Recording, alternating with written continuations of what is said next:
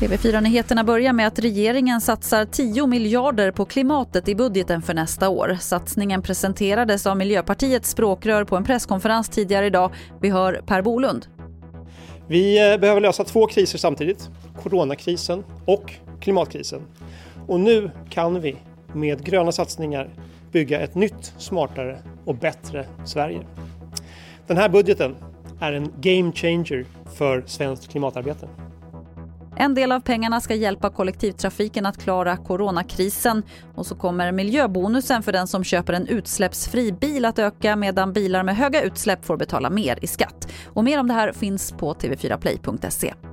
Nu på eftermiddagen larmades polisen om att en person satt i en lägenhet på hissingen i Göteborg och siktade på folk med ett vapenliknande föremål ut genom ett fönster. Polisen tog sig in i lägenheten och hittade ett luftvapen under en säng. En man har gripits för grovt olaga hot.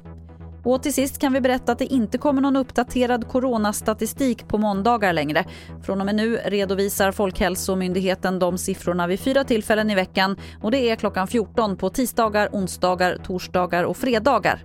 Det var det senaste från TV4 Nyheterna. Jag heter Lotta Wall.